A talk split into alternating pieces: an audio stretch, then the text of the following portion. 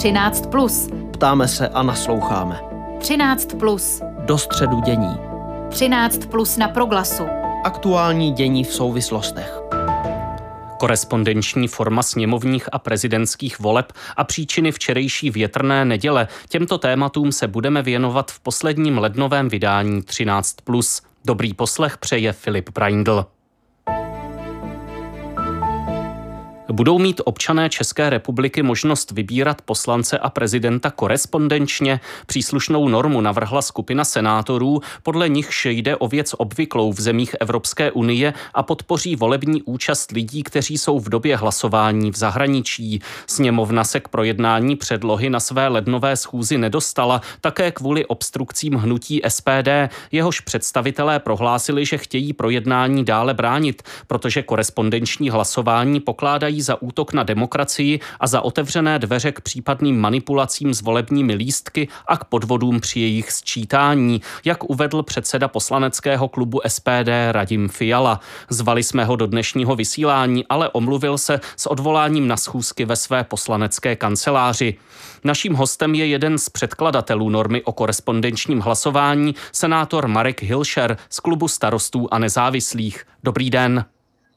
Dobrý den všem vám posluchačům.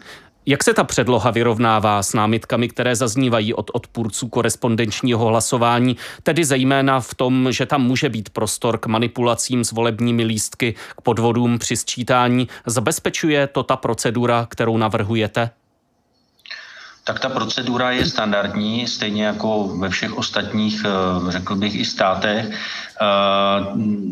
já myslím, že to, co říká hnutí SPD, eh, tak v podstatě vyvolává jakési obavy, které nejsou naprosto na místě. Myslím, že to je cílená dezinformační kampaň proti korespondenční volbě v tom zákoně eh, je to navrženo tak, aby k jakýmsi, jakýmkoliv podvodům prostě nemohlo, nemohlo docházet. Hmm. Na druhou stranu je tu ta zkušenost eh, třeba z prezidentských voleb v Rakousku v roce 2016, které se museli opakovat, protože ústavní soud shledal nějaké problémy při nakládání s těmi, s těmi voličskými lístky. V tomto směru ty obavy asi nejsou úplně liché. Přece jenom by šlo o něco nového, o nový způsob nakládání s těmi odevzdanými hlasy.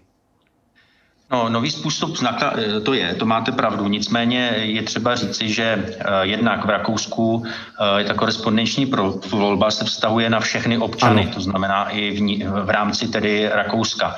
Ta korespondenční volba, o které hovoříme my, je pouze na ty občany, kteří se vyskytují v době voleb někde v zahraničí, tedy ty české občany. Ještě ale k té kauze v Rakousku, která je často jako zneužívána.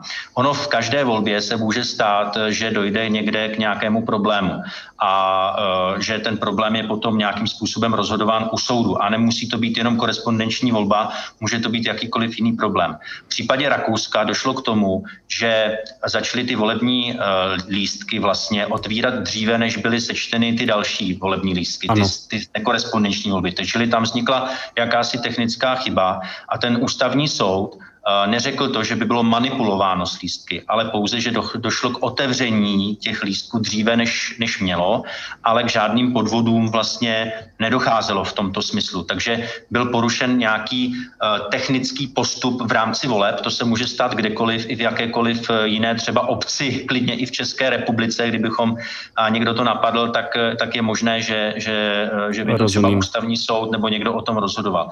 Takže je to opravdu zastírání té věci a chtěl bych říci, a vy jste to už říkali v úvodu, že korespondenční volba opravdu nefunguje pouze v Evropské unii, jak jste říkal, 24 států, čili v naprosté většině států ta korespondenční volba je.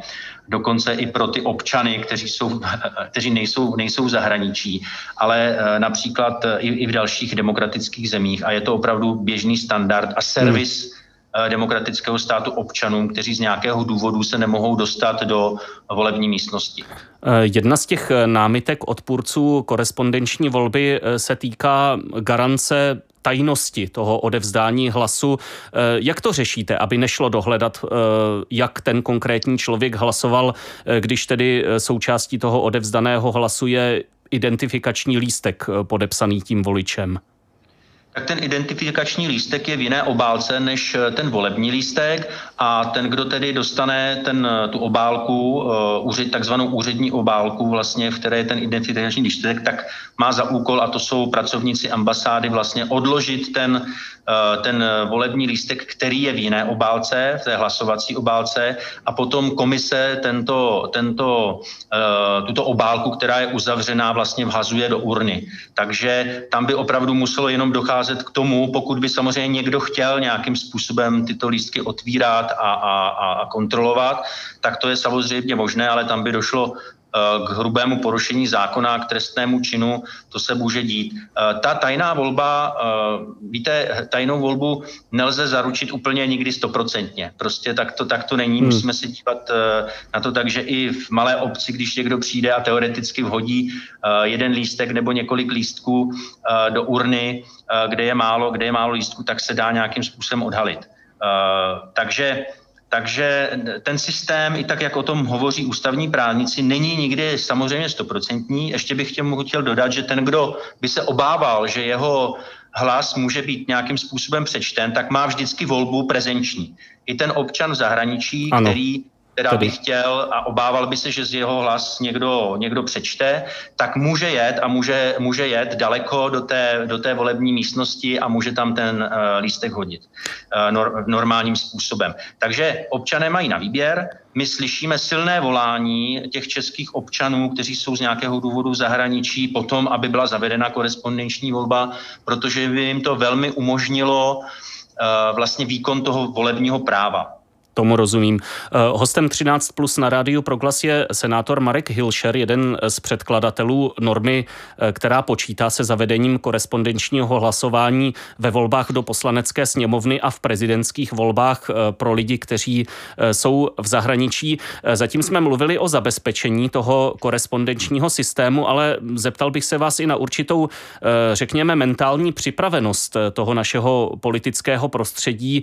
Mám na mysli třeba vše obecný respekt eh, k oznámeným výsledkům voleb, eh, schopnost eh, přijmout nějaké výkyvy třeba během toho sčítání, toho dopočítávání těch korespondenčních hlasů.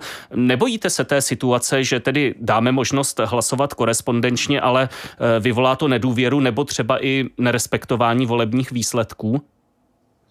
No tak my samozřejmě máme ty příklady ze Spojených států, kdy se eh, prezidenti, kteří neuspěli ve volbách, tak vlastně spochybňují systém, který funguje ve Spojených státech už od doby Uh, už od doby občanské války, to znamená od roku 18, uh, 1860 zhruba, uh, kdy poprvé ve Spojených státech tedy bylo voleno distančně, distančním způsobem a dnes vlastně Donald Trump Eh, spochybňuje po, já nevím, 150 letech eh, spochybňuje volební systém, který ve Spojených státech funguje a neuspěl ani ani u jedné vlastně, ani u jedné, eh, ani v jednom případě u soudu neuspěl. Jo? Podali, podali několik... Pardon, pojďme, pojďme prosím, jenom, pojďme prosím do České republiky. Já ano. vy nikdy nemůžete samozřejmě Eh, předejít tomu, když bude někdo nějakým způsobem eh, vyvolávat a říkat a šířit polopravdy jo, o, o, o, o tom systému. My prostě k tomu přistupujeme, protože v České republice už se 30 let vlastně diskutuje o korespondenční volbě. 30 let se diskutuje o, o tom, aby bylo možno tedy občanům, českým občanům, Eh, kteří jsou v zahraničí, aby jim bylo umožněno volit jednodušším způsobem, než aby museli cestovat stovky i tisíce, tisíce kilometrů a stále jsme se nedobrali vlastně žádného výsledku. Takže my o tom my eh, musíme k tomu přistoupit. Jak říkám, není to vůbec žádné privilegium, ale naprosto běžná věc v demokratických státech. A samozřejmě, že zde budou hlasy, které budou vždycky vyvolávat, eh, vyvolávat nějaké pochybnosti, ale o to máme zde fungující instituce, máme zde soudy, máme zde fungující ambasády, eh, které prostě s tímto způsobem budou nějak s tím volebním systémem zacházet, ale je to věc, která není žádný experiment. Eh, musím zopakovat, že jsme usilovali o přítomnost zástupce SPD v dnešním vysílání, aby přímo od něj zazněly výhrady eh, ke korespondenčnímu hlasování a také třeba vysvětlení eh, té obstrukční strategie v poslanecké sněmovně.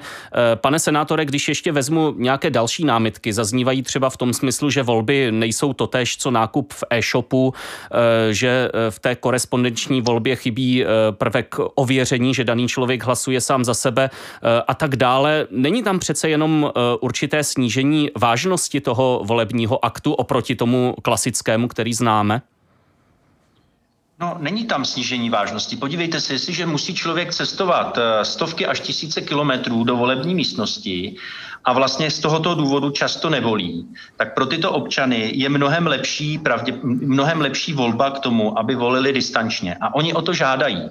To je velké téma prostě mezi našimi českými občany, kteří jsou z nějakého důvodu v zahraničí. Čili to není žádné znevážení. A jak jsem říkal, oni mají vždycky možnost, aby eh, hlasovali třeba, pokud by, by nechtěli eh, tak to hlasovat, tak mají vždycky možnost eh, cestovat a jet a hodit ten lístek do volební urny. Jiným způsobem to prostě uh, nelze, nelze zajistit. Ano, můžeme říci, že bude někdo na svou babičku nebo někoho naléhat tak, aby vhodila takový či onaký lístek. To je samozřejmě možné, ale to je, to je možné i v České republice. Uh, známe takové případy, kdy, kdy mohou někteří příbuzní třeba vytvářet nátlak na, na, svoje, na svoje rodinné příbuzné, aby hlasovali tak či onak. To všechno je samozřejmě A možné. Hůře se to potom tam... provádí, hůře se to potom provádí v tom klasickém provedení před tou volební komisí a tak dále? No tak hůře se to provádí, ale jestliže budeme počítat, že eh, každý chce podvádět a že eh, tady 99% lidí hlasuje pod nátlakem, tak v takovém případě samozřejmě asi bychom nemohli věřit vůbec, eh, vůbec ničemu. Ale také je třeba říci, že se nejedná o nějaké masové hlasování, že vlastně těch občanů v těch minulých třeba prezidentských volbách volilo 18 tisíc, což není nějaký z hlediska celého toho počtu, není nějaký zásadní zásadní um, velký počet, uh, takže to, to není jaksi uh, rozrušení celého volebního systému. My nenavrhujeme to, aby se korespondenčně hlasovalo aby se korespondenčně hlasovalo v celé České republice, to nenavrhujeme a já také nejsem pro toto, ale navrhujeme to tam, kde opravdu těm občanům to může umožnit tu volbu a je to povinností státu. A jak říkám, Není to nic neobvyklého. Myslím si, že ty obavy, které se zde vznáší, se, se eh, vznáší z jiného důvodu, nebo ti poslanci, kteří toto tvrdí, tak se vznáší z jiného důvodu, než eh, z toho důvodu, že by opravdu toto bylo porušeno. Jak jsem říkal, eh, chtěli jsme se na toto zeptat Radima Fialy z SPD. Je mi líto, že nemohl vystoupit. Naopak jsem moc rád, že se podařil tento rozhovor se senátorem Markem Hilšerem z klubu starostů a nezávislých. Děkuji za vaše odpovědi. Naslyšenou a hezké odpoledne. Děkuji vám, naslyšenou. 13. Plus. Do středu dění. Energetici postupně odstraňují poslední závady na vedení vyvolané silným větrem v Česku. Stabilizovala se situace na železnici, kde byla včera řada tratí nesízných. Nyní jezdí vlaky všude, uvolňují se také silnice. E, o příčinách víkendového počasí budu v 13 plus hovořit s meteoroložkou Alenou Zárybnickou z České televize. Dobrý den. Pěkné odpoledne. Vítr byl silný, zejména na horách hodně silný a zároveň to trvalo řadu hodin. Zde na Jižní Moravě prakticky od noci na neděli až do včerejšího pozdního večera. Eh, co se tedy dělo, že laicky řečeno bylo v pohybu tolik vzduchu a tak rychle? Proudění vzduchu obecně, rychlost větru je dána tím, jak velký tlakový rozdíl je. Úplně zjednodušeně si to můžeme představit, jako když se díváte na mapu a vidíte vrstevnice, čím hustější jsou vrstevnice, tím strmější je terén. A podobně to vlastně v atmosféře funguje i s tím větrem. Čím větší je tlakový rozdíl, tím silnější vítr potom ten tlakový rozdíl vyrovnává. No a e, ta situace, která byla nastavená na neděli, byla nakonec velmi dobře předpovídána, protože už se o tom silném větru mluvilo od počátku minulého týdne že bude mít svůj vrchol právě během neděle, tak byla tlaková níže, kterou vlastně němečtí meteorologové pojmenovali Nadia Britové Malik. Každopádně tahle tlaková níže se posunula na jižní Skandinávii a naopak nad západní Evropu zasahoval hřeben vysokého tlaku vzduchu a ten tlakový rozdíl byl tak velký, že to proudění bylo eh, nejenom u nás, ale třeba i taky v Německu, v Polsku, na jihu Skandinávie, chvíle předtím i nad britskými ostrovy takhle extrémně silné. Mimochodem, ten nejvyšší náraz, který jsme u nás zaznamenali podle měření meteorologických stanic byl pomalu 52 metrů za sekundu, tedy 186 km v hodině. Na sněžce Luční bouda měla taky přes 146, měla šovka přes 40. A co bylo zajímavé, ten silný vítr nefoukal jenom v těchto exponovaných pozicích, ale třeba i v nižších polohách Jižní Moravu nevýjímaje. Což eh, o čemž se obyvatelé přesvědčili eh, velice zblízka eh, během včerejška. Jak moc je to neobvyklé? Teď zase beru obě ty charakteristiky, zejména tedy to, že to trvá tak dlouho, že to zkrátka není otázka jedné, dvou hodin, ale v podstatě celého dne. To souvisí s povahou a s důvodem toho větru. Pokud je to tlakový rozdíl, tak tlakové útvary neputují tak rychle, abychom vlastně eh, mohli zaregistrovat nějaké změny ze slábnutí toho proudění. Jinak je to třeba bouřka, kdy samozřejmě eh, ten vítr eh, způsobují jiné příčiny, je způsoben něčím jiným, třeba tím bouřkovým systémem, tou velmi silnou bouřkou, v případě tornáda právě třeba i tím tornádem. A ten vítr trvá jenom velmi krátkou chvíli a je, může být lokálně daleko ničivější. To znamená, není na na tom nic neobvyklého, že když je důvodem silného větru, eh, tlakové pole, tlaková níže, tak její pohyb odpovídá tomu, co jsme vlastně dneska zažili a vlastně podobné situace, byť se slabší intenzitou větru, se slabšími rychlostmi větru, jsme zaregistrovali při těch eh, jiných epizodách, jako byl například Kirill Hervard, Emma eh, nebo oni na podzim Ignác. Mimochodem, jak to bylo včera z pohledu srážkové činnosti, dalo by se to nějak obecně charakterizovat, nebo tam byly velké lokální výkyvy? Pokud je o srážky, tak nic výjimečného se v Česku nedělo, protože vlastně eh, za tou teplou a potažmo studenou frontou se k nám od severozápadu dostával vlhký vzduch, vyskytovaly se nějaké přehánky, ale že by byly ty srážkové uhrny nějak extrémní, a to jsme neregistrovali, ani se to nepředpokládalo v téhle situaci. Co tam bylo z hlediska srážek zajímavé, to byla změna jejich skupenství, zatímco na té teplé frontě jsme začínali sněžením, přecházeli jsme do deště, eh, třeba i na horách, ale z kde i mrznoucího, potom za tou studenou frontu v podstatě na té studené frontě zase přehánky přecházely ve sněhové. E, to je typické, pokud přechází celý frontální systém, nejdřív jeho teplá, pak studená fronta a teploty jsou rozvrstveny nejenom horizontálně, ale i vertikálně, tak jak byly během té neděle. Meteoroložka Alena Zárybnická je hostem 13+. Plus. Vy už jste řekla, že e, předpovědi počasí tuhle nedělní věc docela dobře a přesně předem identifikovali. Vzhledem k té charakteristice charakteristice, o které jste mluvila, je tohle eh, přece jenom snadnější předpovědět, eh, spolehlivěji eh, to lze předvídat, než třeba nějaké jiné meteorologické jevy typu lokálních bouřek a podobně? Ano, tak záleží na plošném rozsahu toho meteorologického jevu. Pokud je to silný vítr na plošně rozsáhlém území, tak jako to byl ten včerejší případ pohyb tlakového útvaru, je to asi o něco snažší, než počítat konkrétní polohu bouřky.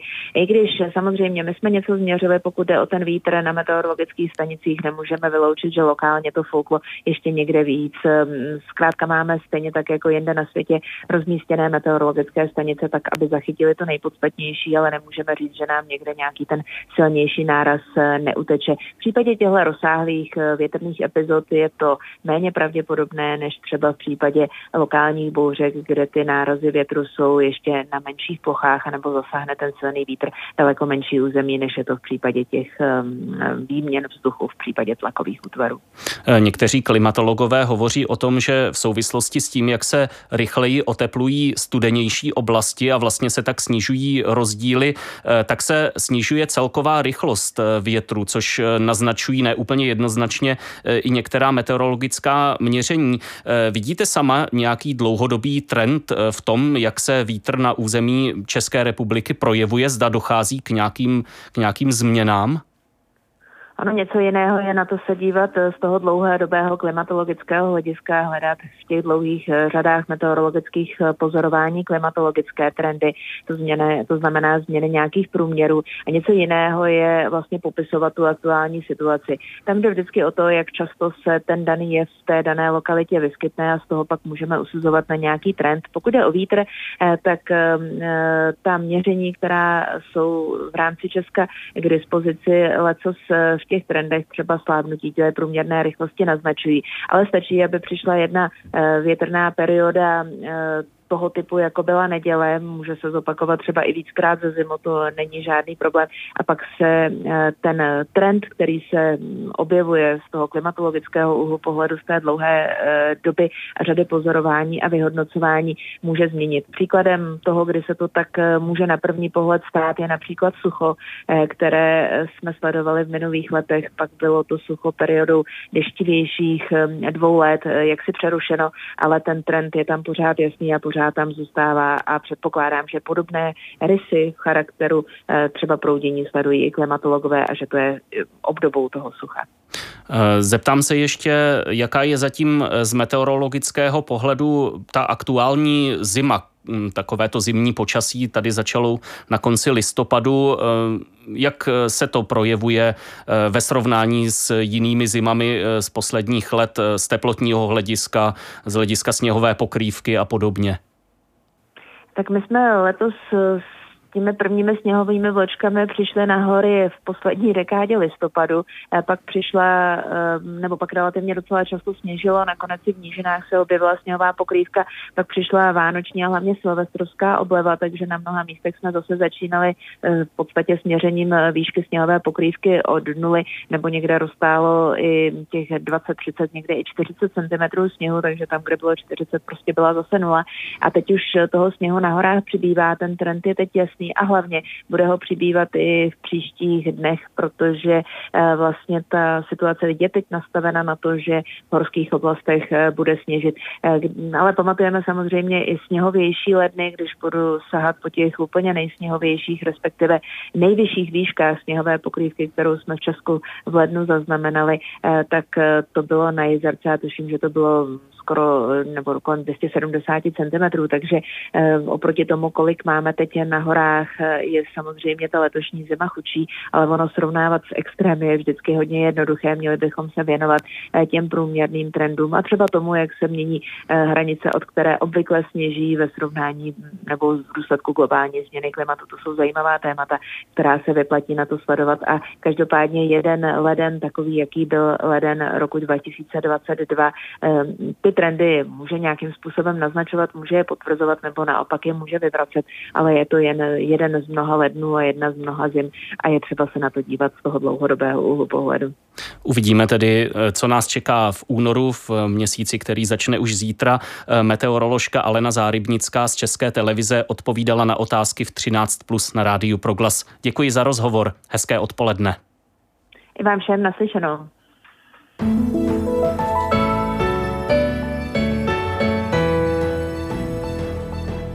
A 13 plus v pondělí 31. ledna končí. Rozhovory připravili Jaroslava Otradovcová a Filip Braindl, který se loučí s přáním příznivého počasí a klidných dnů. Naslyšenou.